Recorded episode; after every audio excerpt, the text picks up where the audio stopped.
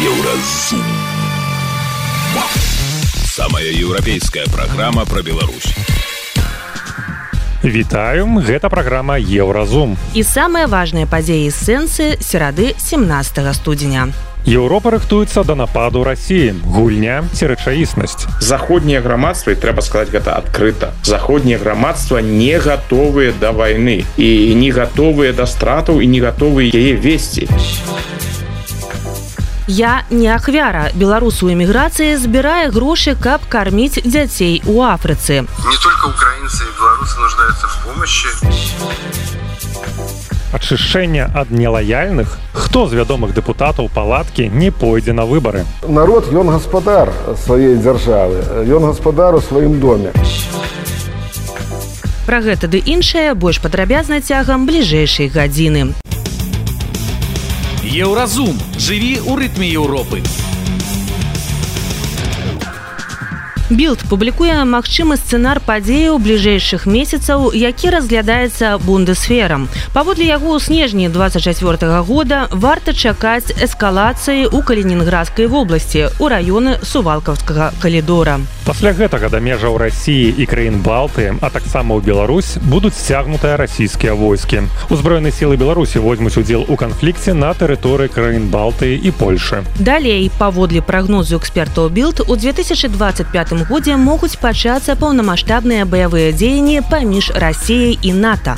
Ці сапраўды гэта сцэнар да якога рыхтуецца бундесфер ці гэта не больш як адзін з варыянтаў штабных гульняў ваенных? Про гэта ды іншая рэдактор еўрарадыо зміцер лукашук запытаўся палітычнага аглядальніка і гісторыка александра фрыдмана. Давайте я напэўна пачну э, про тэму більд что ввогуле азначае гэтыя публікацыі ці можна ёй давяраць ну конечно більд гэта вядома гэта жоўтае выданне. Але ізноў жа калі гаворка ідзе пра жоўтую бульварную прэсу і пра яе якасць і пра яе інфармаванасць то трэба адрозніваць напрыклад прэсу Великкабрытаніі дзе з даверам і з інфармацыі якую яны друкуюць дае ўвогуле трэба ставіцца вельмі вельмі асцярожна.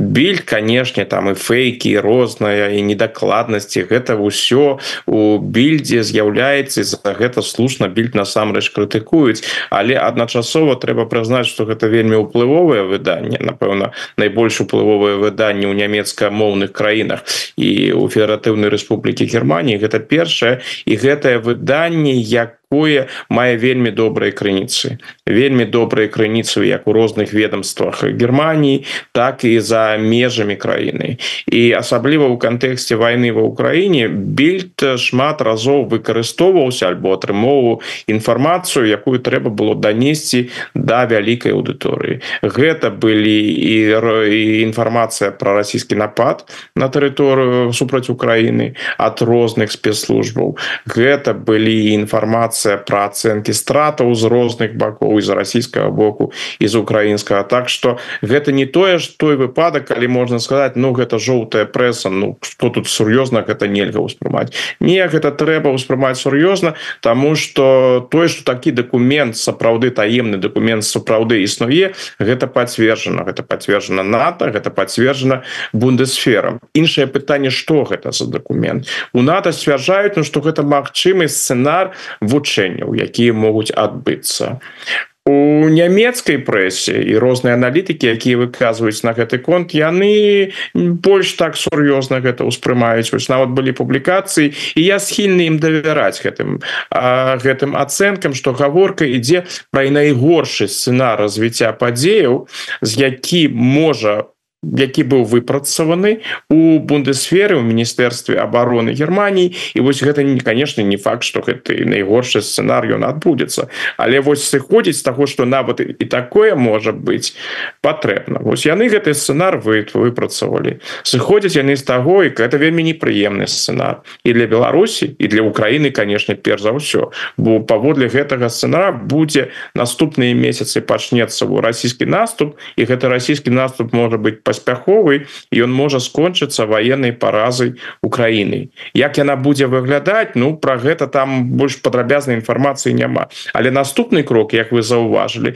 что Россия ва Украіне зразумела не спыніцца і працягне сваю дзейнасць ужо у дачыненні да краінаў НАТО. Менавіта да ўдачынення да краінаў балты і да чыненні да Польши. А гэта ўсё суседзі суседзі Беларусі. Дарэчы Беларусь успрымаецца у гэтай паперы бундесфераўскай ну як аб'ект у руках Москвы что там нейкага лукашэнкі як сумастойнага гульца альбо беларускай арміі там просто няма. Там дакладна ідзе разлік. Вось Россия будзе рабіць тое і тое і яны сыходзяць з таго что беларускі бок будзе парткавацца. Калі будзе вырашана напрыклад там не ведаю атакаваць гібридным чынам напрыклад а можа і не гібридным Польшу альбо літву альбо Латвію з вялікай верагоднасцю гэта ўсё будзе адбывацца з тэрыторыі Беларусі.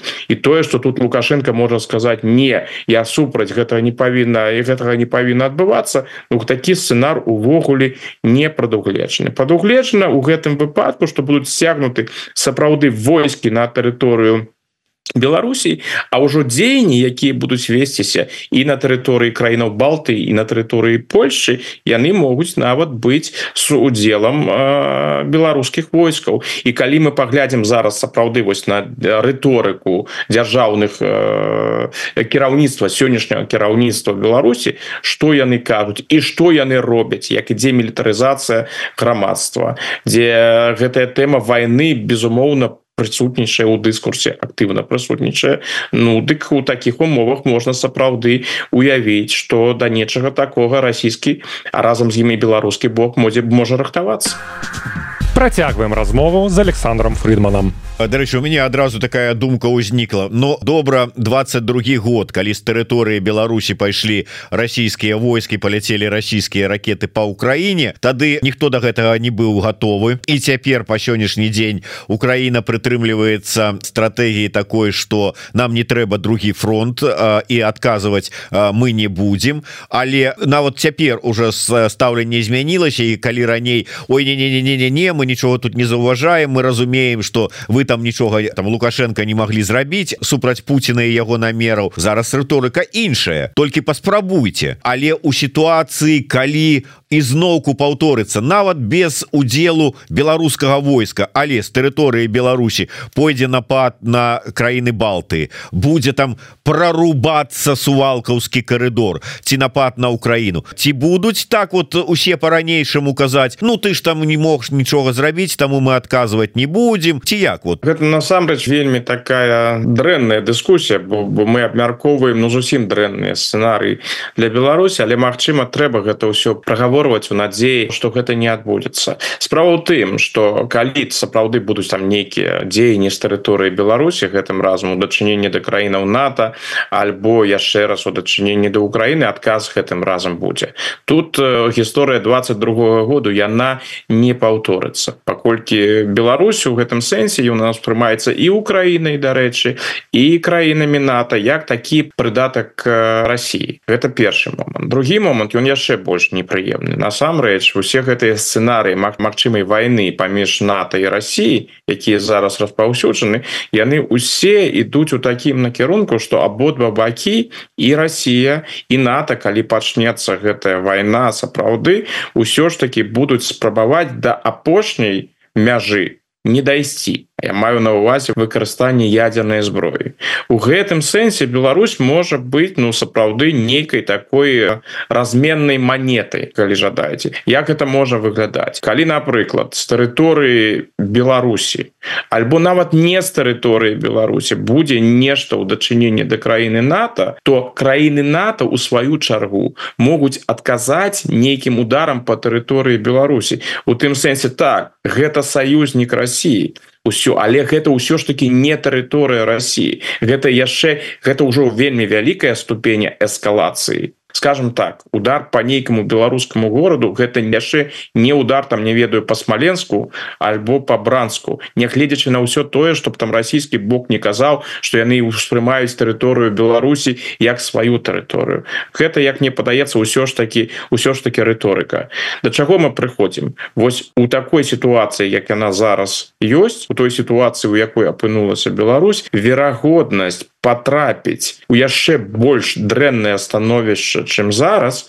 яна насамрэч прысутнічае і яна на жаль досыць вялікая. А як жа тады будуць успрымацца ці будуць гучаць аргументы а нас жа за что Ну і увогуле думка беларуская. Ну мы разумеем что расіяне там напалі з тэрыторыі Беларусі Ну мы ж тут не прычым і у нас жа ж вот войны няма дзякуючы лукашэнку. Гэта будзе по-ранейшаму спрацоўваць ці як Я думаю что при эскалацыі гэта спрацоўваць не будзе. Насамрэч что цікава нават тыя сацыялагічныя пытанні якія ёсць напрыклад таго ж чэтым хауса яны ж показваюць что так беларусы вельмі задаволены люди якія жывуць у Беларусі конечно маю на увазе яны задаволены відавочна вы задоволен і гэта нормально Ну як можа быть інакш? Любы чалавек звязаны з Беларусю задаволены тым что на тэрыторыі Беларусі не ідуць баявыя дзеянні что там не адбываецца война але нават гэтыя пытанні пытанні показваюць что гэта асабліва не ўплывае на рэйтынг лукашэнкі. То бок люди кажуць Ну добра что у нас так ёсць але гэта асабліва ўсё ж таки не звязваюць з лукашэнкам і з яго палітыкай і з тым что ён праводзіць. Конечно афіцыйная пропаганда яна гэтай наратывы прасоўвае. І напэўна сярод лукашэнкаўскай аўдыторыі мае адпаведны поспех. Але ізноў жа гэта абмежаваны поспех. Я вось гляжу что у інтэрв'ю тайм Таймс прэм'ер Эстоніі Кая Калас папярэджвае што Путін можа напасці на краіны Балты праз тры гады такімі ж прыблізна выказваннямі выступалі і іншыя палітыкі высокага рангу Фінляндыі Польшчы іншых краінаў Ну бліжэйшай вось гэтай так бы мовіць дугі да Беларусі і Росіі вы казалі про тое что ось гэты сцэнар апублікаваны билд які разглядаецца бундесферам дзе кажуць про магчымы пачатак вой России і НАТО с удзелам беларускіх войскаў ужо 25 годзе. Тут 25 але гэта найгоршы сцэнар. Усе астатнія кажуць про 35 гадоў але ўсе кажуць про войну то есть на захадзе ўжо прыйшлі да высновы что гэтай войны не пазбегнуць нет нет а такой ступені нет. Тут гаворка ідзе про тое что война магчымая вось праз гэты перыяд что засталося зусім няшмат часу. Розныя эксперты хтосьці кажа два гады хтосьці кажа три гады хтосьці кажа сапраўды гэты коридор 35 гадоў. Яны кажуць что вось застаўся гэты час каб зрабіць адпаведная узмацніцца і каб адпаведным чынам адказаць Росіі каб Росіі зразумелі что гэтую войну пачынаць не варта. Тут же вось яшчэ які момант важный важны. Калі гэтую войну уяўляюць сябе так звычайна ўсё хутка скончваецца ядерной войной их эта война разглядаецца як ядерная война но сцэнары могуць быть іншымі. Ось напрыклад цікавыя былі разважанні у социальной сетцы X спачатку апублікаваны потым і пресса подхапіла гэта разважанні экспертаў у галіне бяспекі Фабіяна хофмана з універсітэта Осла там сапраўды ён задаецца вось гэтым пытанням А як Россия будзе весці войну ну конечно конечно по-першае не а ніякіх прэвентыўных удараў по расійскай тэрыторыі ніхто не плануе гэтага не будзе. Гэта выключна расійскія фантазіі. Усе заходнія планы якія абмяркоўваюцца яны сыходзяць з таго что напад будзе з боку Росіі і НАТО мусіць адказваць у гэтым выпадку. Так вось Хофман якраз разважае як можа гэта выглядаць. Ён бярэ за аснову украінскі вопыт і кажа что будуць удары по інфраструктуры. Хутчэй за ўсё яны паспрабуюць зрабіць моцны удар по інфраструктуры заходніх краінаў Ну добра что будзе наступным? Удар будзе таким моцным что ён павінен будзе псіхалагічна паралізаваць заходняе грамадство бо тут трэба сказаць заходняе грамадства і трэба сказать гэта адкрыта заходняе грамадства не готовые до войны і не готовыя да стратаў і не готовы яе весці. Гэта ніякага параўнання з Украіны ніякага параўнання сённяшняй Росіі дзе велізарныя страты у расійскім войску і тым не менш абстаноўка досыць спакойная і людзі по-ранейшаму большасці сваёй гэтую путинскую злачынную войну падтрымліваюць. То бок гэтая война гэты удар расійскі удар по інфраструктуры про грамадзянской інфраструктуры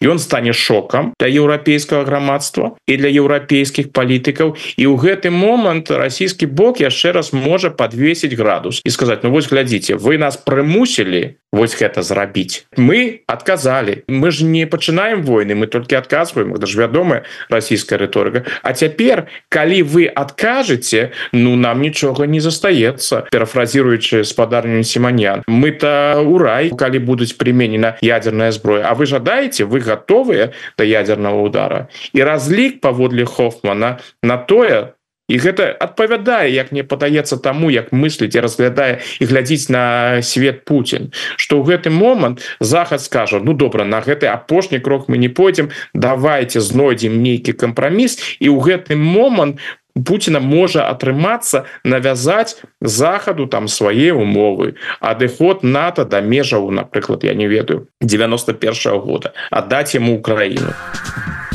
Гэта быў гісторыка-палітычны аглядальнік Александр Фрыдман. Ён патлумачыў, як варта ставіцца да прагнозаў наконт эскалацыі ў сувалкаўскім калідоры і ці можа Беларусь увязацца ў вялікую вайну, калі Расія нападзе на краіны НАТО.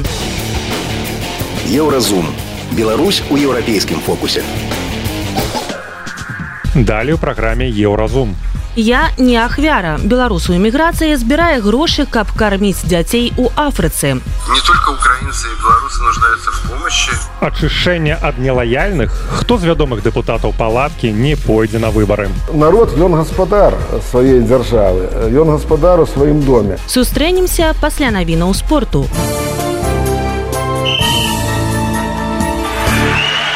На еўрарадыё навіны спорту. у Арына Сабаленко выйшла ў трэці круг адкрытага чэмпіянату Аўстраліі. Беларуская тэнісістка абыграла 16гадовую бренду фрухвіртаву з Чэхіі 6362.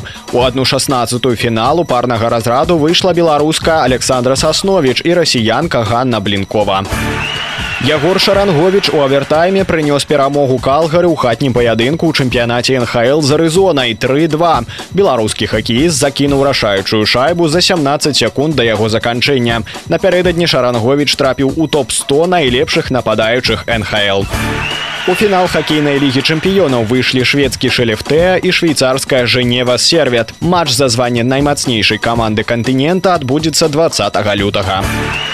Галоўным трэнерам футбольнай белшыны прызначаны 44гадовы Михаил Марцінович. Раней ён узначальваў мазырскую славію, а апошнім часам працаваў у рассіі.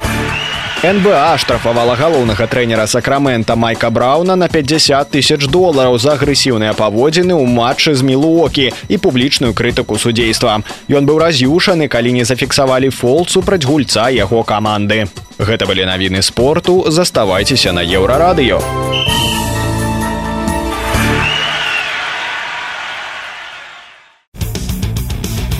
Еўразум жыві ў рытме Еўропы. Беларусу Руслан Яроцкі ўжо 10 гадоў дапамагае дзецям у Афрыцы, літаральна корміць іх. Ён не ствараў ніякіх валанцёрскіх арганізацый, просто збірае грошы, прыязджае ў афрыканскія краіны, наведвае дзіцячыя прытулкі з кіраўнікамі якіх знаёмы асабіста і купляе на свае зберажэнні ежу. Раней Руслану дапамагалі некаторыя беларускія арганізацыі і валанцёры. Цяпер ён эмігрант, які быў вымушаны з'ехаць з Беларусі. Кантактаў унутры краіны стала менш. Людзей гатовых дапамагчы фінансава афрыканскім дзецям яшчэ менш. Але ён усё роўна зноў паляцеў у Афрыку. Гісторыя руслана у рэпартажы еўрарадыё. Наши паведамленні заспелі руслана яроцкага на ўзбярэжжы індыйскага акіяну у кеніі на рыбацкай станцыі. Праз праблемы з сувязю руслан адказваў на нашыя пытанні галасавымі а на фоне гучала традыцыйная музыка Ён ужо далёка не першы раз наведвае Афрыку, кожны раз з адной і той жа місіяй. Мы спыталі яго, чым адрознівалася падрыхтоўка гэтага візіту ад усіх минулых. Просто сейчас это подготовка связана с зарабатыванием денег, а поскольку мы живем уже не дома и старые связи там или люди, или организация, которые в Беларуси помогали в этом деле, они остались там, то поэтому, наверное, готовились самостоятельно с узким кругом друзей в течение года. Как правило, это финансовая помощь, которую мы тратим на закупку еды либо для семей с больными детьми, либо для, не, для неимущих, либо для школ. Шмат якія беларусы штодня гартаюць навіновую стужку. Мы ўсе чытаем адны і тыя ж навіны пераймаемся з-за адных і тых жа падзей. А што турбуе людзей у Афрыцы? І увогуле як змянілася стаўленне самого руслана да тых навінаў якія ён чытаў у эміграцыі? Заметно что жизнь стала дороже и поэтому люди как-то очень реагируют на все вот это, э, потому что ну, очень чувствуется от топлива до каких-то вещей, продуктов, что все стало дороже. Поэтому у среднестатистического кенийца скорее интересует вопрос выживания, вопрос экономики, но они об этом, конечно, говорят. А, второй вопрос немаловажный, это, наверное, вопрос э, войны. То есть люди знают, что идет война в Украине, что Россия на нее напала –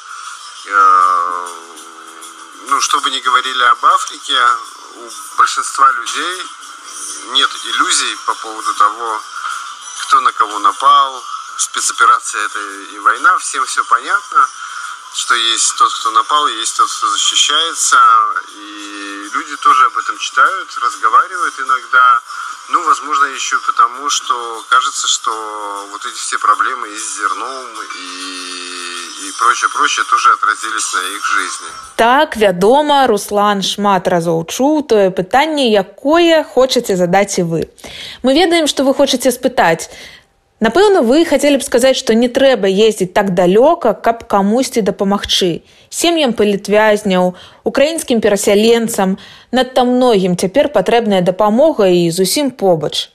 Так, Руслан ведае шмат якіх грамадзянаў Польшчы і літвы, якія дапамагаюць беларусам і украінцам. Ён шануе іх працу.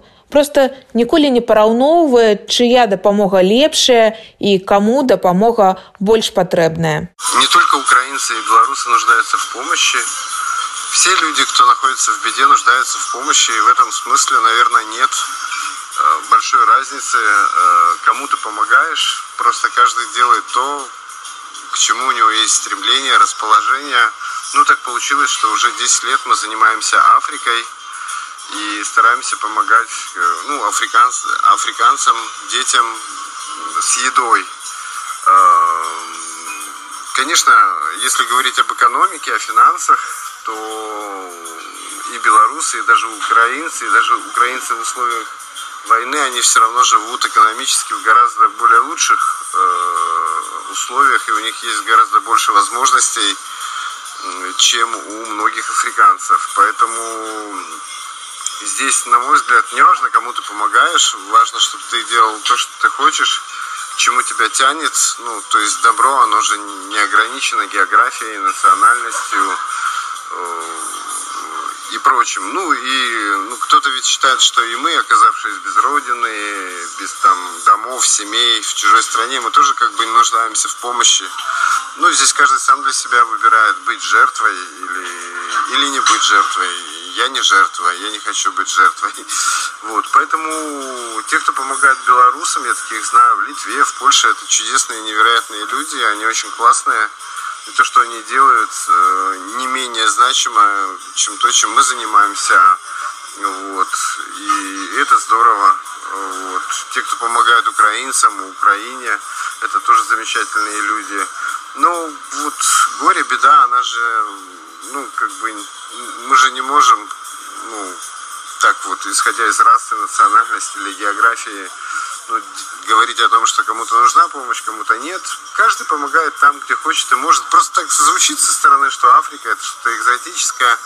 На самом деле, ну, земной шарик, он маленький, и за 10 часов вы можете оказаться почти в любой его точке, поэтому, ну, для нас этого как бы нет. Э, ну, все, кто что-то делает хорошее, чтобы мир был лучше, добрее, это невероятные люди. Ніякіх прэтэнзій на змяненне свету у Руслана няма. Ён просто любіць Афрыку, адчувае сябе тут як дома і гэтыя эмоцыі добры стымул, каб сабрацца, сабраць грошы і паехаць. Нават калі не ўдаецца сабраць вялікіх грошай, ты просто бярэш тое, што ёсць і едзеш. Раслан прабудзе ў Афрыцы яшчэ каля двух тыдняў. Наперадзе стары маршрут. Закупка ежы для школ, для дзяцей з інваліднасцю, для сем'яў, якія жывуць у галечы. Прадукты звычайна купляюць проста на месцы на аптовых базаў. 300 долараў дастаткова, каб 200 афрыканскіх дзяцей з прытулку не галадалі цэлы месяц. Інфармацыйная служба еўрарадыё. Еўразум. Беларусь у еўрапейскім фокусе. Далей у праграме еўразум. Ачышчэнне ад нелаяльных, хто з вядомых дэпутатаў палаткі не пойдзе на выбары. Народ ён гаспадар сваёй дзяржавы, ён гаспадар у сваім доме. Сустрэнемся пасля навінаў шоу-бізу. Шоу-біз.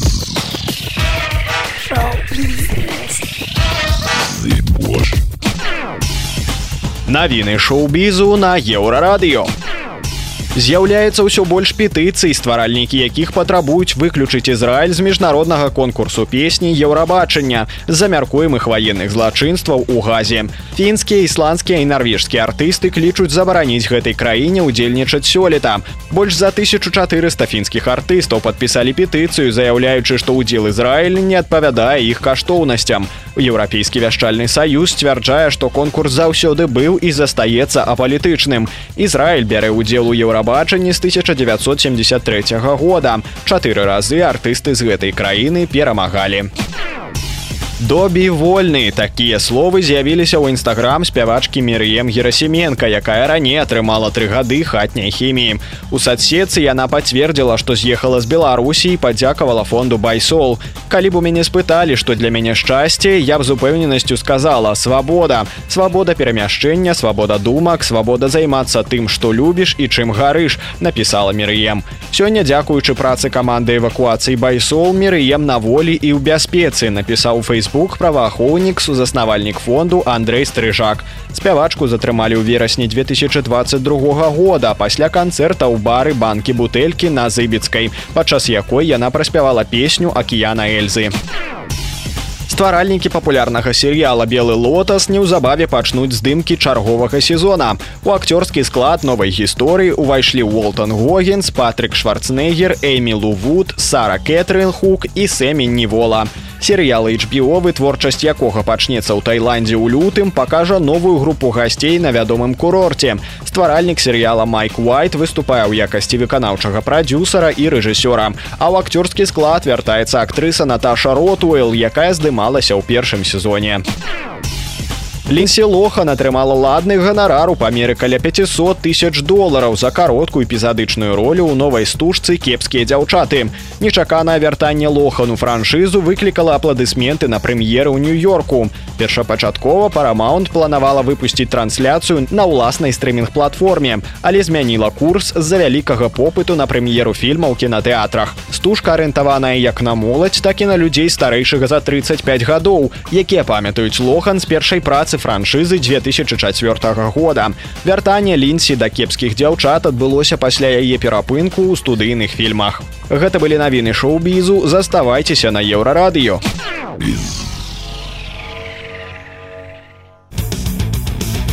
Еўразум жыві ў рытме Еўропы. 16 студзеня стартавала рэгістрацыя кандыдатаў у дэпутаты нацыянальнага сходу беларусі. Сёлета кампанія выглядае цалкам бессэнсоўна бо ні пра якую канкурэнцыю гаворкі нават не ідзе. Усе 110 будучых служак народу так ці інакш маюць дачыненне да рэжыму лукашэнкі. Гэта прапагандысты чыноўнікі спартоўцы сілавікі. Надойчым распавялі вам пра тое хто з вядомых дзеячоў збіраецца удзельнічаць у выбарах А цяпер распавядзем пра некаторых дзейных депутатаў, якія не захацелі або ім не дазволілі паўторна заняць дэпутацкае крэсла і чым яны запомніліся на сваёй пасадзе. Слухаем наш рэпартаж. Самая маладая асоба ў цяперашняй ніжняй палаце парламента дэпутатка Марыя Васілевич, мяркуючы па звестках аб ініцыятыўных групах па зборы подпісаў, не будзе балатавацца на другі тэрмін. У 19 годзе ва ўзросце 22 гадоў дзяўчына стала дэпутаткай пры дапамозе лукашэнкі, нават не гледзячы на тое, што тагачасная кіраўніца ЦВК Лідзія Ярмошына крытыкавала Васілевич і казала, што ёй няма з чым ісці да народа. Замежныя СМ пісалі, што Васілевич атрымала гэтае месца месца на падставе інтымнай сувязі з лукашэнкам але дзяўчына папракнула прэсу ў хлусні і заявіла што журналісты павінны несці адказнасць за свае публікацыі я не могу сказать что у меня есть подготовленные разработанные законопроекты есть мои э, возможно какие-то законотворческие инициативы они еще возможно зеленые которые э, это как скорее всего какие-то предложения и дополнения уже существующим закон, э, законодательным актом э, конечно же мне нужно пообщаться с экспертами общаться с правоприменителями. Возможно, это будет сложно там донести. Возможно, это будет просто какая-то э, новая волна, которая последует, э, повлечет за собой, скажем так, изменение тех э, законов, которые существуют уже. Но вот прямо сказать, что есть пакет, пакет документов по законотворческому проекту, у меня, к сожалению, такого еще нет, потому что это действительно очень сильная плодотворная работа, которая требует и какой-то помощи юристов, помощи экспертов, правоприменителей. Есть только мысли, идеи. Пасля пратэстаў два -го года яна наведвала ў бальніцы пратэстоўцаў, якія пацярпелі ад рук сілавікоў і прыносіла прабачэнні за нанесеныя ім траўмы. У сваіх садсетках падчас масавых акцый пратэсту прасіла бакі прымірыцца і спыніць гвалт. Таксама заяўляла, што не выказвалася аб пазбаўленні грамадзянства беларусаў.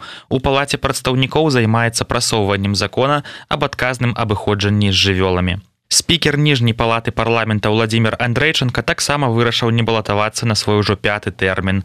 Зараз яму 75 гадоў. У палітыцы ён яшчэ з часоў ССР. З 94 па 2008 займаў пасаду старшыні віцебскага аблвыканкама, быў членам Савета Рэспублікі з 2008 і па цяперашні час з'яўляецца старшынёй палаты прадстаўнікоў. Андрэйчынка адзін з тых, каму Лукашенко па-сапраўднаму давярае. Яны знаёмыя яшчэ з часоў працы ў вярхоўным савеце Беларусі.